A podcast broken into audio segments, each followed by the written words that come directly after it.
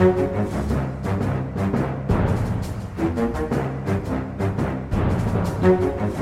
nei, men Da er vi i gang med en ny ukes Aftenpodden. På plass i studio, Trine Eilertsen, hallo. God dag. Sara Sørheim. Hei. Hei. Hei. Og jeg er Lars Glomnes. Eh, For andre gang denne uka. Det har jo skjedd eh, mange ting. Det kom en ny regjering ut på Slottsplassen. Det har vi vært gjennom i en spesialutgave. Ja, eller som det heter, en utvida regjering. Ja, det er, eh, det er viktig forskjell. Um, Og i denne, denne gangen også enormt utvida regjering. Ja, både, både i, i tall og, og både, både partier og personer. Eh, vi skal gjennom litt ulike ting eh, i dag. Vi kommer til å følge opp noen eh, spørsmål som har hengt i lufta siden de nye statsrådene kom ut. Eh, og så får vi jo si at det var veldig hyggelig å få så mange innspill på Facebook-sida vår om hva vi burde snakke om. Ja, altså Det er eh, et så utrolig bra publikum vi har, eh, som både klarer å komme med forslag som vi ikke har tenkt på selv, det er ikke så vanskelig kanskje, men også med forslag som vi også syns er gøy. Sånn at vi helt reelt eh, tenker at ja, det kan vi snakke om. Well done. Og så kan jeg si med hånden på hjertet at vi har lest alt, og at på en par punkter så har vi bare sagt nei, det blir for tungt å sette seg inn i. Det får bli en annen gang. Det, det skjer. Du tenkte på punktet Venezuela, f.eks.? Nei, det, nei, faktisk det var et av de som vi kanskje vil si for tida vi skal snakke om. Det får Ja. vi se på. Men også Men var det er en god mm, sak. Ja, så var det, Vi har jo et litt anstrengt forhold til konseptet spørsmål fra salen. Eh, fordi det ofte innebærer en eh, litt sånn eldre mann som holder et foredrag om hva vi burde tenkt på. Ja. Eh, men her var det gode, konstruktive innspill om eh, spennende ting. Ja. Eh, og et av de som kom inn, og det vi egentlig vel hadde vært nær å snakke om eh, uansett, var altså disse demonstrantene som sto utenfor på Slottsplassen. Og har blitt eh, en del av bildegalleriet i eh, de siste dagene. Av denne Handmaid's Tale-markeringen. Mm. Som jo var en protest mot eh, KrF og deres eh, og den nye regjeringsplattformens abortstandpunkt. Ja. Og det eh, Jeg vet ikke, det må jo sies å være en svært svært vellykka kampanje. fordi bildene har jo vært vel så synlige som, eh, som det andre bildet. Og Kjell Ingolf Ropstad med en sånn diger sjekk. Ja. Ja.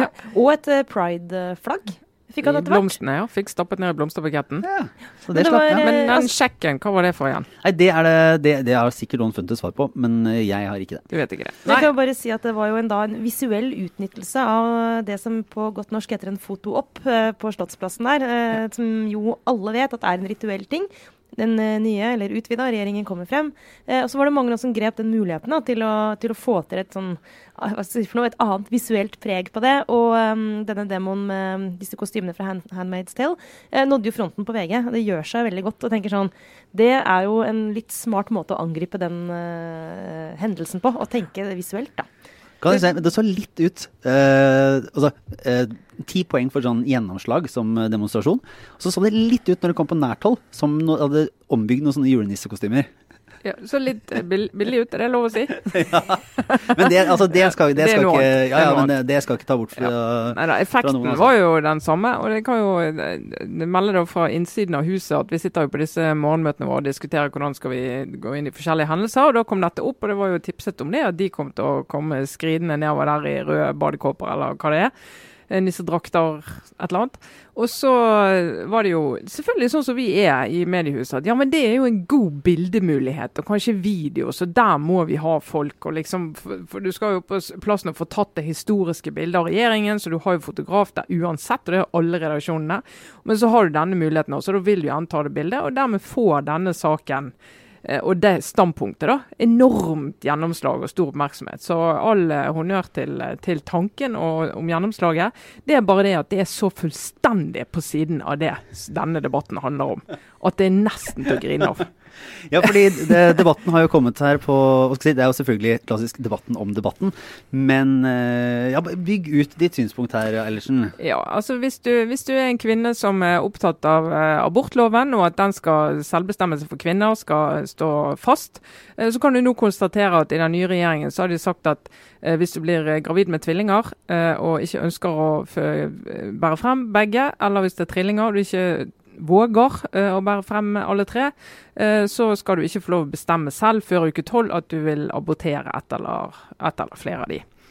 Eh, Det har, I fjor var det åtte, åtte kvinner det gjaldt etter sigende. Og det blir utlagt som og Da skal vi huske at utgangspunktet for KrF og Ropstadfløyen var at de ønsket å endre 2C òg. Som for det første gjelder mange flere, og som har vært mer kontroversielt. Eh, og som mange vil nok oppleve som mye større endringer av abortloven enn dette, som er ganske sånn Vi har så vidt hatt dette rommet for å gjøre det. Eh, nå forsvinner det rommet for å gjøre det uten nemnd, for du får jo fremdeles gjøre det. Og så Å sammenligne en sånn endring, så det er helt mulig og lov til å være opprørt overalt, og si det at nå er liksom kvinners selvbestemmelse i fare. Du kan dra paralleller til Handmaid's Tale-serien med voldtekt, tvangsfødsler, svære overgrep, sterke overgrep mot kvinner, og liksom dra parallell til det. Det mener jeg er å rett og slett drepe en debatt. For det går ikke an å gå inn i en sånn debatt og si at nei, vi prøver ikke å fange kvinner i et religiøst tyranni av et samfunn. Det, det, bare, det er en helt umulig debatt. Men jeg bare synes det er interessant, fordi det er vel eh, helt åpenbart for alle at det er en sånn eh, fristende, visuelt slående ting å gjøre. Da. Og jeg skjønner hva du mener, Trine, med at Norge er ikke Gilead og ligger ikke an til å bli det. Men jeg bare tenkte på det med eh, kvinnens selvbestemmelse. Ja, den lovendringen, eller den justeringen, hva skal vi kalle det for noe, av abortloven, den eh, Innstramning. innstramningen, den er veldig marginal. Eh, men eh, et parti i regjering som mener at Uh, abortloven bør endres, at kvinners selvbestemmelse ikke bør være det som ligger til grunn. Og Ropstad selv som har sagt at han personlig er imot fri abort.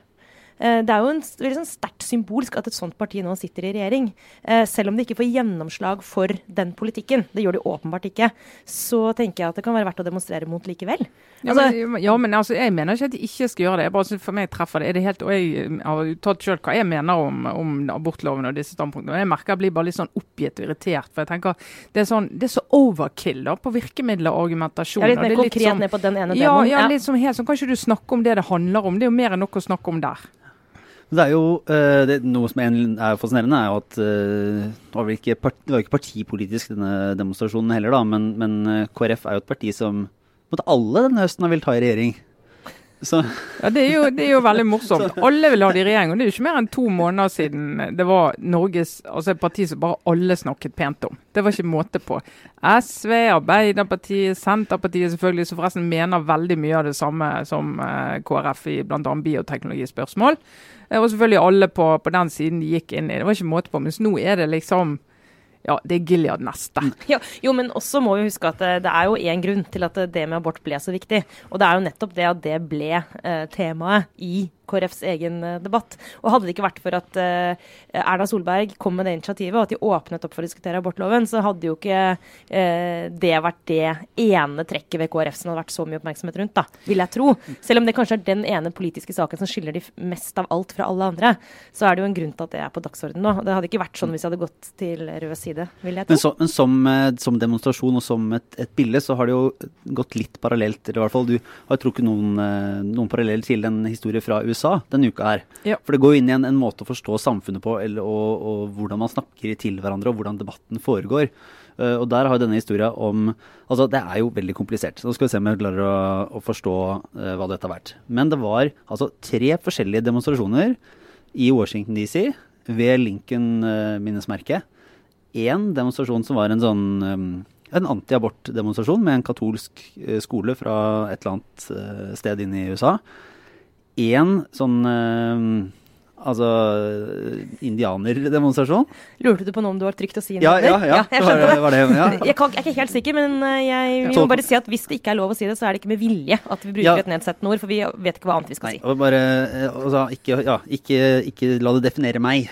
eh, og så var det en tredje gruppe som er nå det rareste Altså var det, de er altså eh, det som kalles Black Hebrew Israelites. Ja, som egentlig er svarte nasjonalister. Ja. Eh, omtales det som. Ja. Og her har det kommet Først var det tre historier. Altså det var først en historie om at disse unge guttene trakasserte denne gamle indianeren. Mm. Det gikk jo verden rundt, også i våre spalter. Eh, og så har det bildet blitt nyansert. Ja.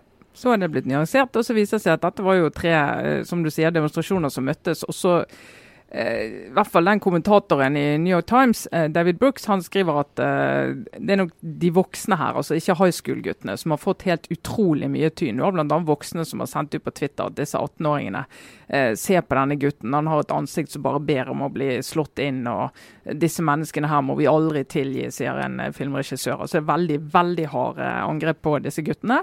Eh, og hva han sier Når vi nå nøster opp i det, så ser vi at det er en del av de voksne her, ikke minst de der Black Hebrew Israelites, eh, som var veldig provoserende i formen. Men òg at han her urbefolkningsrepresentanten, hvis vi skal si det veldig vanskelig, uh, også har eh, opptrådt provoserende og gått helt opp i ansiktet på disse guttene og trommet i ansiktet.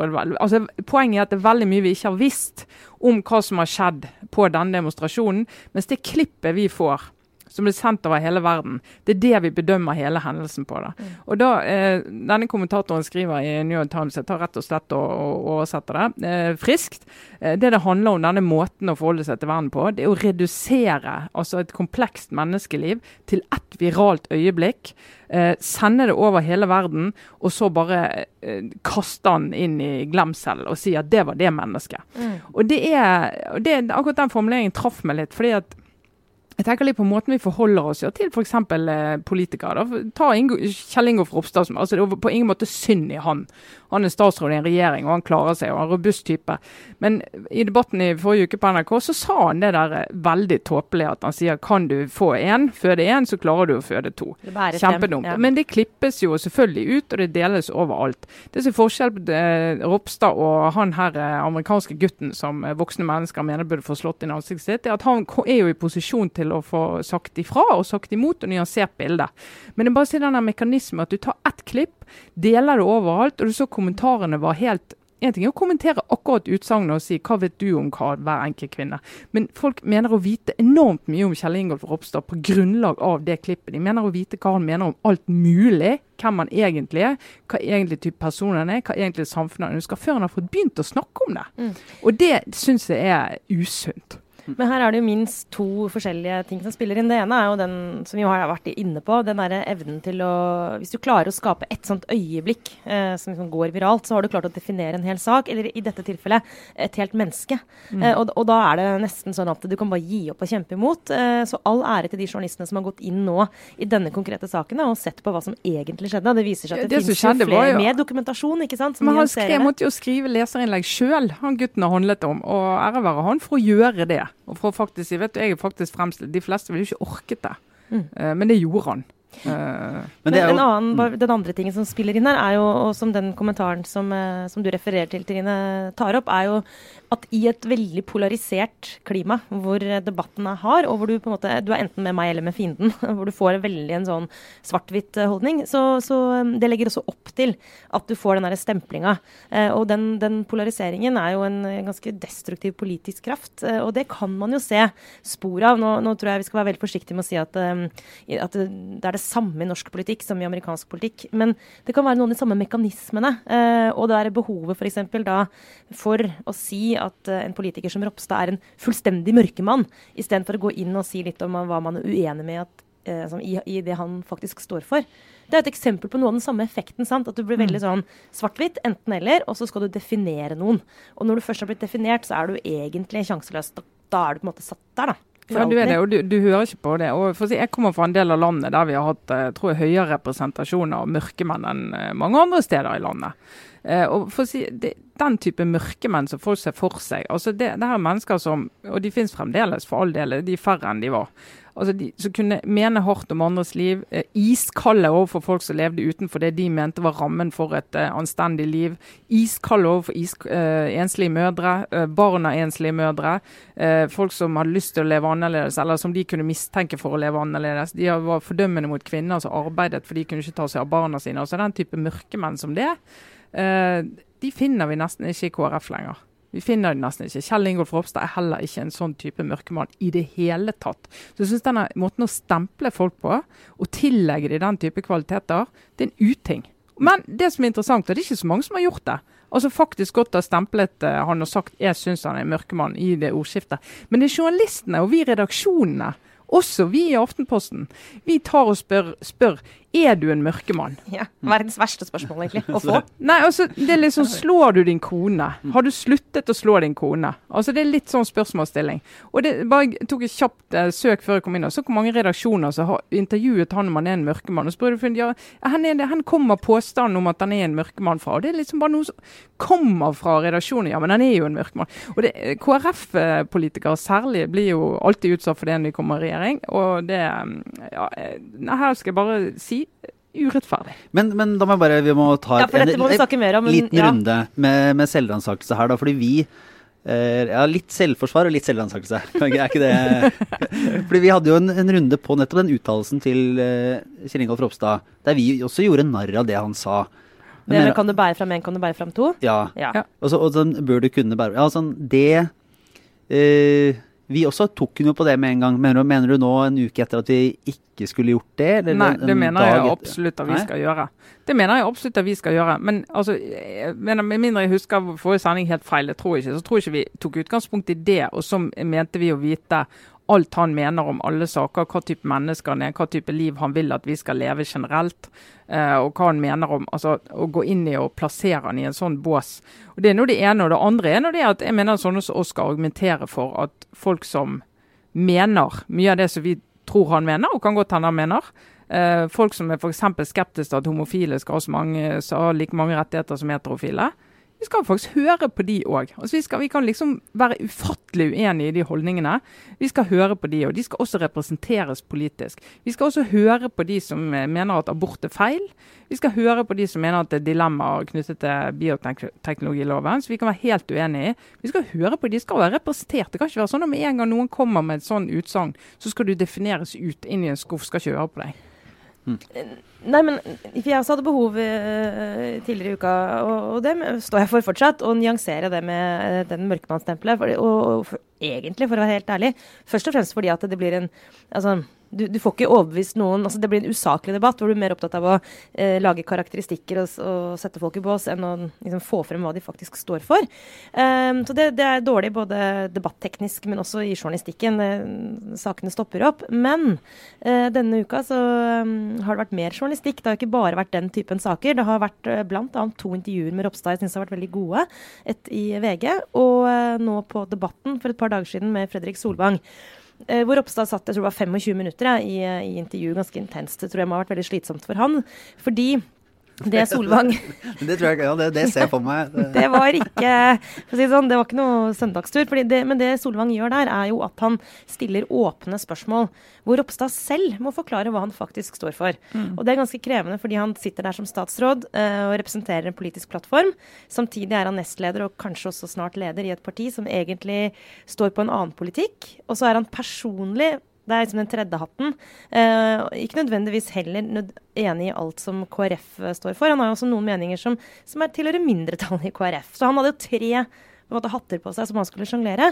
Eh, og så får han problemer. Og uh, her er det selvfølgelig opp til de ørene som hører. Og, og um, mine ører, da. Det jeg hørte der, var en mann som har holdninger politiske holdninger som er svært marginale, særlig når det kommer til dette med um, altså, å, å, sette ulike merkelapper på ulike relasjoner mennesker imellom. Og Solvang uh, kjører veldig på uh, at han ber Ropstad forklare hva han mener, og hva KrF mener, når de skriver i sitt partiprogram at, uh, at relasjonen, eller ekteskapet mellom kvinne og mann skal løftes.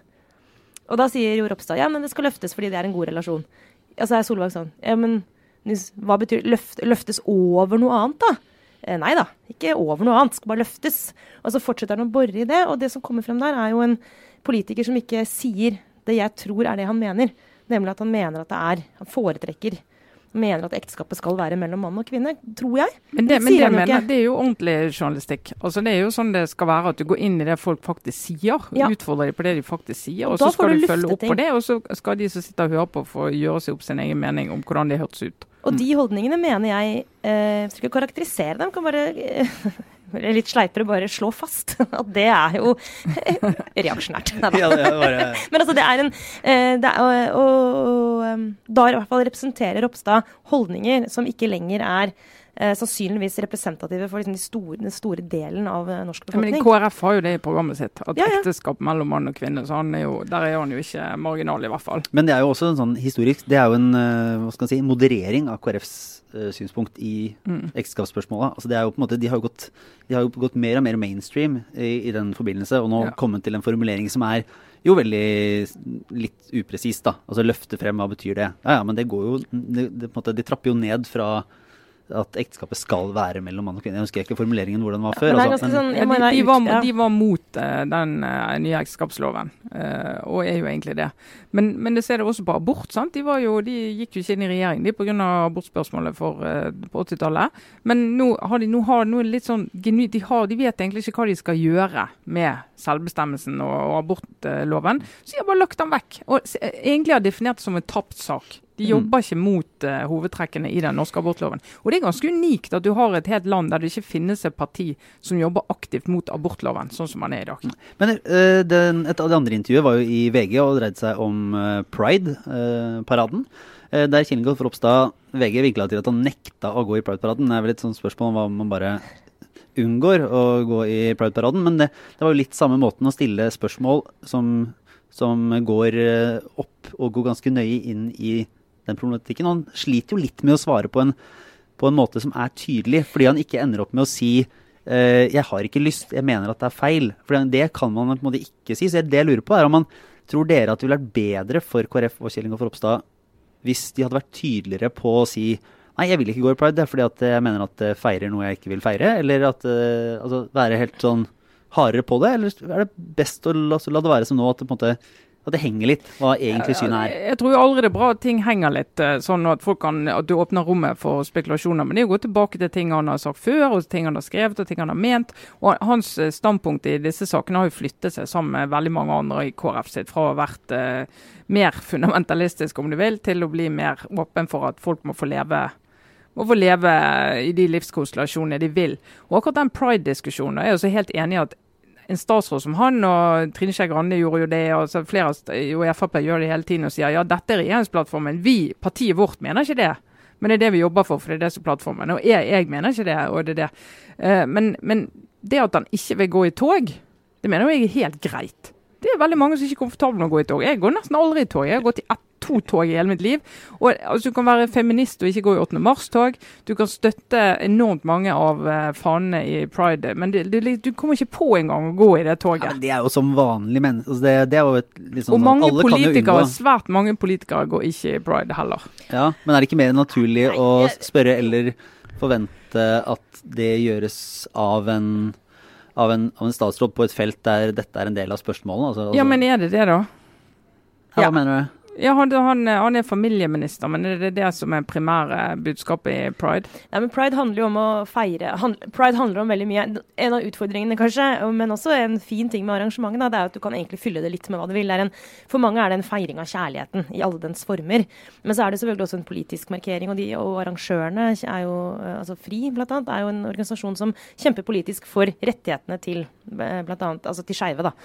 Um, men, men det er ikke en sånn det er ikke en veldig, i mine øyne i hvert fall, veldig sånn spissa politisk demonstrasjon. Du kan gå dit med litt uh, ulik uh, litt sånn av ulike grunner, og det syns jeg er veldig fint.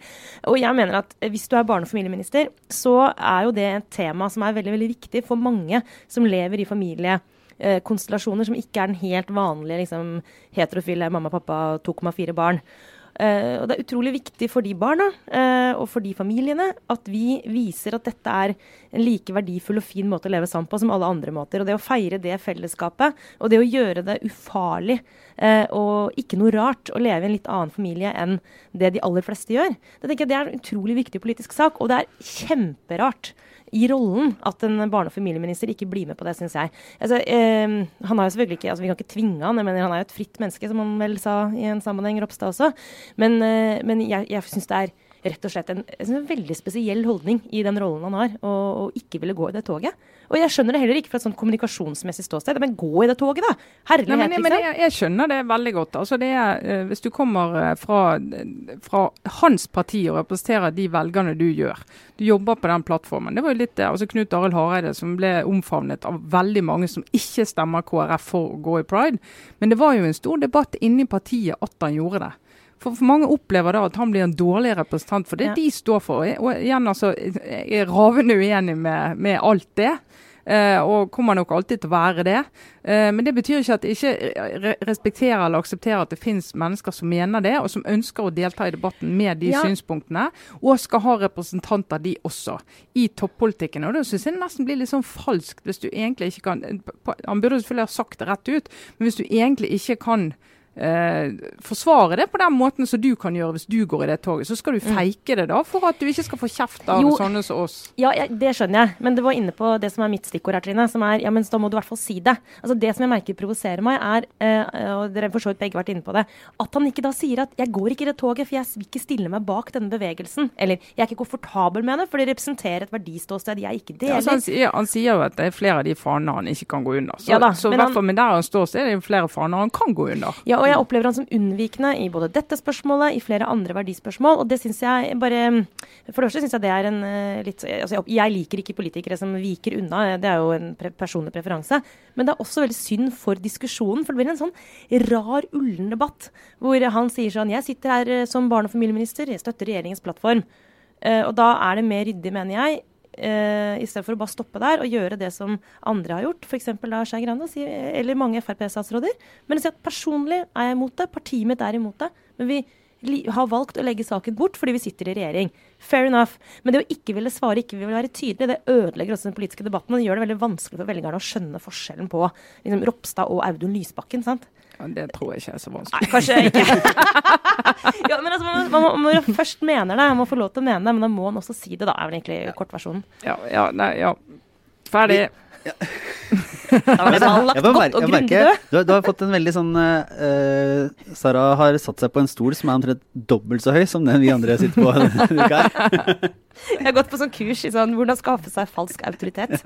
Høy stol. Det er også veldig ubehagelig å sitte på en sånn høy stol, for det, man føler seg veldig sånn rar. Ja. Ja, Du vet men, at eh, Vanligvis på mange så finnes det en sånn liten uh, bryteraktig ting. En liten sånn uh, sak som du kan trekke på under stolen, og så synker den ned. eller ja, men det er utenfor min digitale, eller praktiske, eh, kompetanse.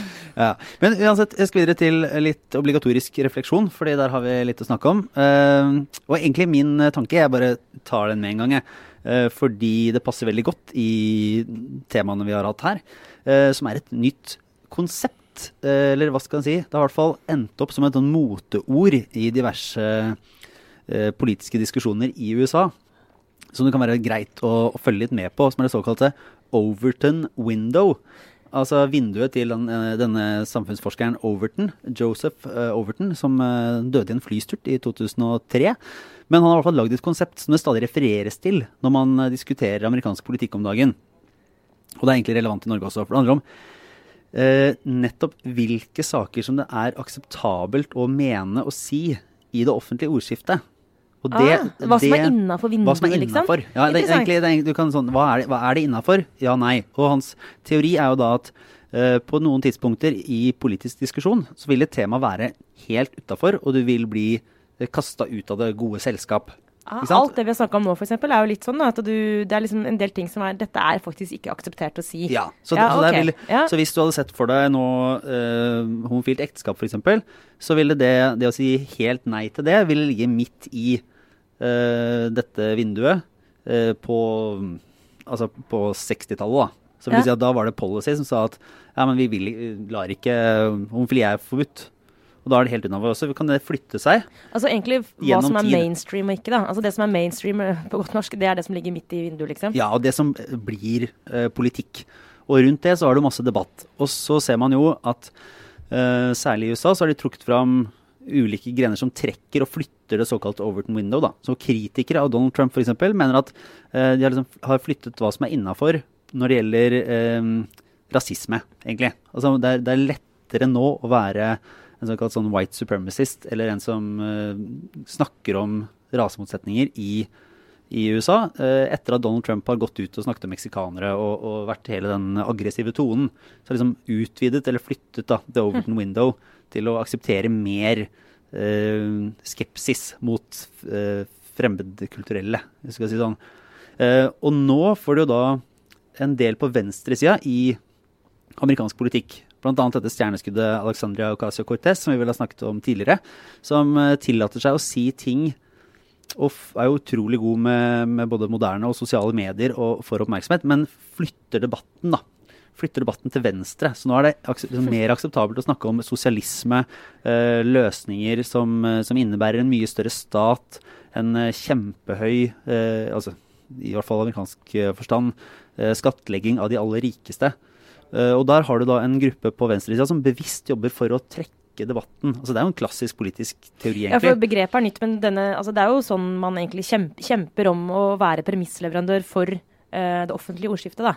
Ja. Ikke sant? Det jo, Jonas Gahr Støre er dødsgod på den, en litt annen variant av den teknikken. som er at han ofte, i hvert fall gjorde han det mye før, kanskje han har slutta litt med det nå, egentlig, men ofte i en debatt sier sånn Legger premissene først. Sier sånn på den ene siden har du dette, og på den andre siden har du dette. Jeg foreslår at vi gjør noe midt imellom. Så virker du så fornuftig og forstandig og som du har funnet et sånt eh, godt kompromiss. Men så har du egentlig Det er det øyeblikket du legger premissene, at du egentlig har liksom satt debatten der du vil. da. Mm. og ingen som stiller spørsmål ved premissene. Folk går rett inn i argumentasjonen. Sant? Det er en annen måte å gjøre det på. Det er å få på en måte etablert en problemstilling til å være eh, tolererbar og fornuftig. Ja. Hvis, jeg-? Hvis jeg forstår riktig, Ja, Lars? Så, da, så Et annet eksempel var en, en, en, eh, en eh, amerikansk borgermester i en eller annen by som, eh, som var sånn super på vei oppover og gjorde det bra, men som eh, ble filma da han holdt en tale som snakka om nødvendigheten av å, jeg tror det var legalisering av narkotika. Eh, og det var da før det endra seg. sånn at eh, hvis han, Da han måtte bare slutte. Det var sånn slutten på karrieren. Sa noe som da lå i ytterkanten og var uakseptabelt. Og så har det flytta seg da i løpet av eh, 15-20 år. Eh, ja, enda kortere tid, egentlig. jeg kjenner meg litt irritert. da. Ja, Men det, men det ja. er litt interessant, for det, altså hvis du tar sykelønn i Norge, da. Mm. For ti år siden så var det innenfor det vinduet. Da kunne Ja. du diskutere det. I dag er det utenfor. Det går Mm. ikke an å diskutere. Altså Det er faktisk ikke mulig å diskutere det. Den sykelønnsordningen. Det Altså, bare helt sånn Å kutte den, mener du? Eller kutte ja, i den? ja, endringer overhodet. Så det er sånn ekstremismestandpunkt. Så det har Mm. liksom endret seg andre veien. sant? Mens for ti år siden også, så- var det en reell politisk debatt. Og der, der vil du se begge sider. At, som, som, eh, det er bare en måte å forstå det på, men der vil du se den kampen også for at noe skal være helt uakseptabelt. Det vil jeg si, det som nå er eh, da kampen mot da, f.eks. en abortdebatt. Altså det vil være at det skal igjen bli Eller det skal bli helt utafor eh, alminnelig politisk debatt. Og skal være sånn hvis du uttaler deg om det, eller mener noe som ikke er greit, så, så er det på en måte slutten på karrieren Da er din. du Da, du- da, da er du ut, uh, utregna, da. Ja, For du mener feil ting. Ja. Ja. Så det, men, eh, ja, men altså, det er jo helt, det er helt sikkert altså For det første er dette et, Jeg følger det bildet, og takk for at du Mm. forklarte det. For jeg har ikke, er sånn, ikke turt å spørre hva det betyr. Men, eh, men eh, nå hører det sånn i Pod 7 America og sånn, sant. Så det sånn, Å, Mm. det uttrykket, men hva er det egentlig? men eh, det som irriterer meg litt, altså, er jo at eh, det er ikke noe tvil om at denne mekanikken fins i den offentlige debatten, men eh, de som hevder selv at de er utafor vinduet, og derfor er det ingen som vil høre på meg Altså Det er den klassiske en eller annen Det er ofte litt sånn høyrepopulister, men trenger ikke å være det, altså. Som klager en eller annen stor avis om at de aldri får lov De blir aldri hørt. Ingen hører på meg. Mine holdninger er ikke akseptable. Eh, og dette handler om den klassiske kritikken av det politisk korrekte, da. Det er altså en annen greie som er, mener jeg, ofte liksom litt sånn eh, ja, falsk, i hvert fall veldig irriterende. Å påberope seg at du er utafor vinduet, og derfor ikke blir tatt på alvor, og bruke det som teknikk. Det er det mange som gjør. Midt i det fuckings vinduet. Sant? Og det står midt på torget og hevder at jeg er helt utafor, ingen hører på meg, mens veldig mange hører på deg. Ja. Men her er det mange måter å bruke akkurat den mekanikken på, da. ja da, og det, det kan Jeg har ikke akkurat lest hele forskningen til uh, Nei, Joss men men- men, det er bare det er en, Og så er det, det er særlig at nå har det blitt et begrep som er Plutselig så er det rent inn og, og er i, i veldig, veldig mange, særlig amerikanske samtaler om politikk. Så det Men, men det er jo ikke i tvil om at hvis vi snakker om at ord betyr noe, så det er ikke tvil om at måten vi diskuterer på, de temaene vi velger å bruke tid på, de eh, temaene som våre toppolitikere velger å bruke tid på, de definerer jo litt hva det debattrommet er. og Det er jo derfor vi er opptatt av ord. Mm. Og hva som blir sagt, og måten det blir sagt på. Og så er jo litt av teorien i USA har vært at venstresiden har vært redde for å strekke debatten mot venstre, fordi de alltid har, de har tenkt litt sånn eh, Clinton og Blairsk eh, vei-politikk. At du Ok, vi skal ikke framstå som Sosialister, langt- ja. ja. Ikke sant? Vi skal ikke framstå som veldig venstrevridde. Ja, for det Sosialistordet har vært godt og grundig utafor det vinduet i mange Ja. år. sant? Fram til Bernie Sanders, kanskje, egentlig. Ja. Ja. Ja, veldig. Så, og nå er det da Nå er det en, en særlig en gruppe innenfor Demokratene som bestemmer seg for at nei, men vi skal Det er jo klassisk sånn som alle partigrupperinger kan gjøre. da, Skal trekke partiet i en retning. Men da er det også åpner opp for debatten. Ja, ja. Det er i hvert fall det er eh, Interessant. interessant å følge. Så det var min eh, lille, lille refleksjon inn i helgen. Nei, liten anbefaling. Til helgen så er det to år siden Women's March i eh, USA, eh, som var kvinnenes reaksjon på at Donald Trump ble valgt. Eh, og Da sier jeg kvinnenes reaksjon, for det her var jo en stor sammensatt gruppe av kvinner som slo seg sammen og hadde jo en helt, helt overveldende manifestasjon mot valget av Trump, som satte spor i hele verden, egentlig. Det var vel marsjer her og, her og der.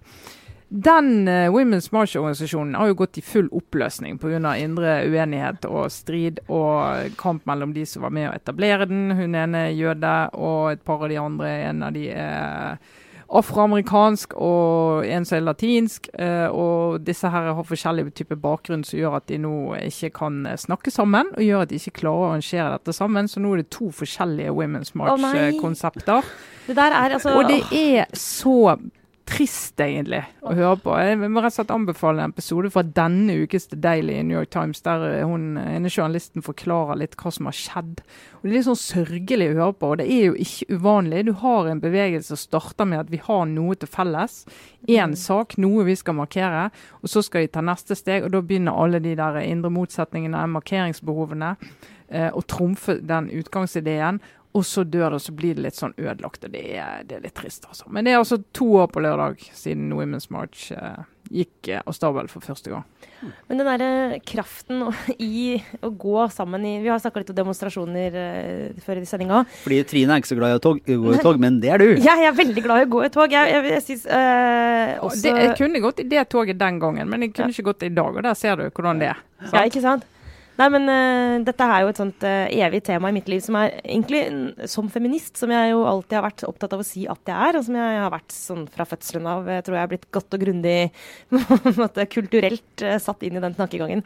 Sjanseløs i så måte. Men, men, men, jeg har jo ofte litt problemer med den kvinnekategorien likevel. Sant? At den derre følelsen av Det kan være fantastisk å gå i tog for en felles sak. Uh, og så kan det plutselig føles som man blir innestengt i det samme toget. Fordi kanskje det endrer seg noen nyanser i ordene man bruker, apropos det vi akkurat har snakket om. Eller det skjer noe kanskje med ens egne politiske holdninger, og plutselig så er det som et slags fengsel. En bevegelse som du tidligere liksom, følte at var frigjørende og fantastisk å være med på. Så, så, og når det gjelder det med hvis, hvis, alle i åttende Det skulle komme liksom mange i åttende mars-tog med sånn Handmaid's Tale-kostyme, og så går du rett bak og så tenker du ja, dette, dette, er jeg komfortabel med. Ja, det, det, er typisk et eksempel på en sånn sak som jeg ville tenkt at er dette egentlig er det, Uff a meg. Og da her er vi inne i den. Um, vi er alle altså, er individualister, men det kollektive, kraften i det kollektive er det vi må jobbe med for å få forandra verden. Sånn er det bare. Forandrer ikke verden én og én. Der er godt og grundig plassert. Til venstre for midten, kan du si.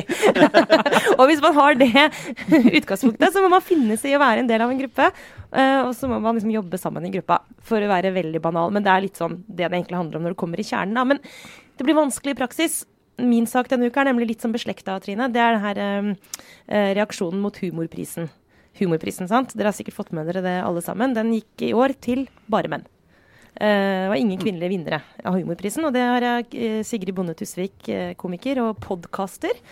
Og jeg vil bare si til Sigrid Bonde Tusvik, jeg husker hva du heter, både fornavnet og etternavnet. du har omtalt meg som Sara Larsen i din podkast. Jeg er ikke bitter. Men så skal det også sies at uh, Sigrid Bonde Tusvik er litt mer profilert enn meg, da. Så det skal ikke, jeg skal kan leve med det. Men det, nå må jeg avsløre at vi har omtalt Podkasten har jo vært omtalt som Tusvik og Bonde her ja.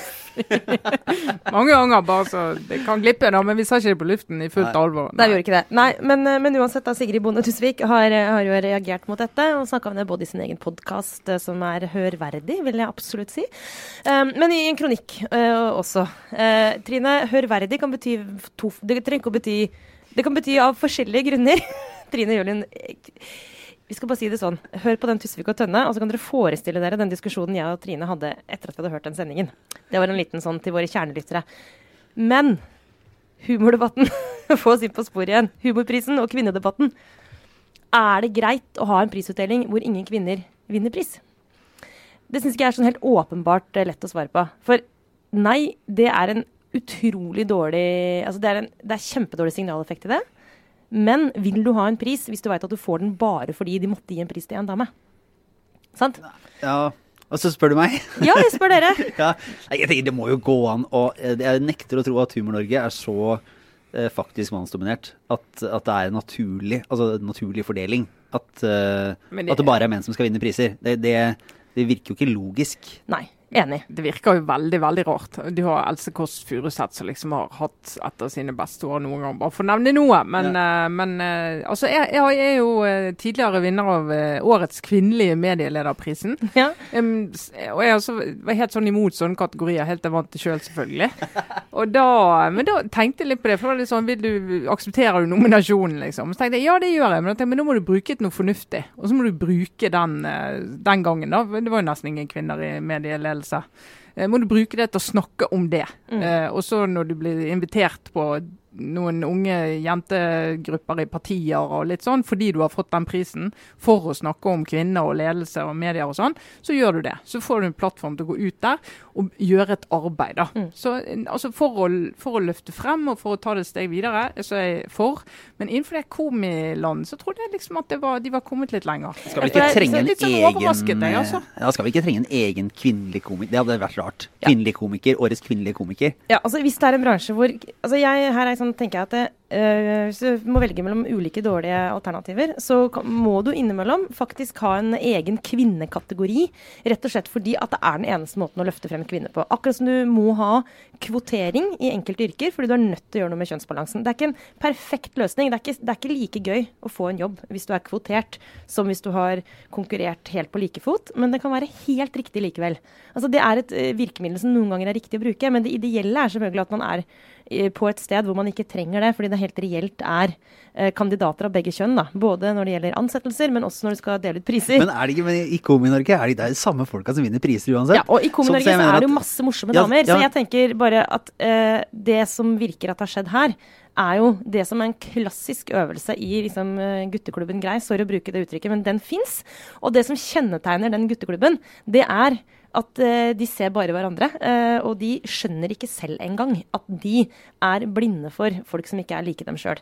Og det, når Trond Kvernstrøm, som var med å arrangere denne utdelingen sammen med Morten Ramm, når de, og juryen også, selv om det satt noen kvinner i juryen, det gjorde det, men når de bare ser gutta, så er det en grunn til det. Det er en struktur. Den må faktisk bekjempes. Sånn er det bare. Og da, i lys av det, tenker jeg at det er veldig riktig å reagere på den utdelingen. Da. Men det er fordi jeg legger til grunn her. Jeg tror faktisk at det er mange kvinner som helt reelt har blitt forbigått. Som mm. kunne vunnet. sant? Ja, så får de heller la uh, noen av de altså, kjente kvinnene vinne. For, for Sigrid Bonde Tusvik får få seg en pris i år, da. Altså, for Elske oss Furuseth ta neste år, og så får Av og til. Det går til de samme folka uansett hvert år. Ja. Det var jo jo, men, så, men, så, men, grunnen til at jeg er litt sånn, uh, syns, ikke syns at det er helt sånn åpenbart, er nettopp det at um, Det er litt sånn som i, i samfunnsfagsboka, sant, som du sikkert hadde altså på lærebøkene på ungdomsskolen, universitetet også. Så her får du liksom verdenshistorien. Og så til slutt er det et siste kapittel som er sånn Og så litt om kvinner. Og det er ikke noe gøy at det er det siste kapittelet. Det er ikke noe gøy at det er den kvinneprisen. Du vil egentlig at det skal være på like fot. Og det er grunnen til min lille ambivalens her. Sånn, eh, da må jeg si meg litt enig med Susanne Sundfør, som for mange år siden eh, berømt nok og sitert nok eh, sa at hun ikke ville ha den derre Spellemannsprisen for beste kvinnelige musiker. At da kan det være det samme, hvis ikke jeg kan få for å være beste musiker. Og jeg kjenner jo at jeg har sympati for det òg, så ja. Det er ikke noe sånn ja, det er ikke, ikke, så lett alltid å klare liksom å sjonglere disse ulike uh, sidene. Men at det ikke fantes en kvinnelig komiker som kunne få en pris på den utdelingen, det høres ut som en klassisk forbigåelse. Ja, ja. ja. Men uh, det er vel det vi har uh, denne uka. Uh, Trine måtte løpe ut til et eller annet viktig. Vi runder av for denne gang. Så er vi tilbake neste torsdag. Det er vi. Etter alle solmerker. Etter alle solmerker, ja. det var Sara Sørheim og jeg, Lars Klomnes. Ha det bra.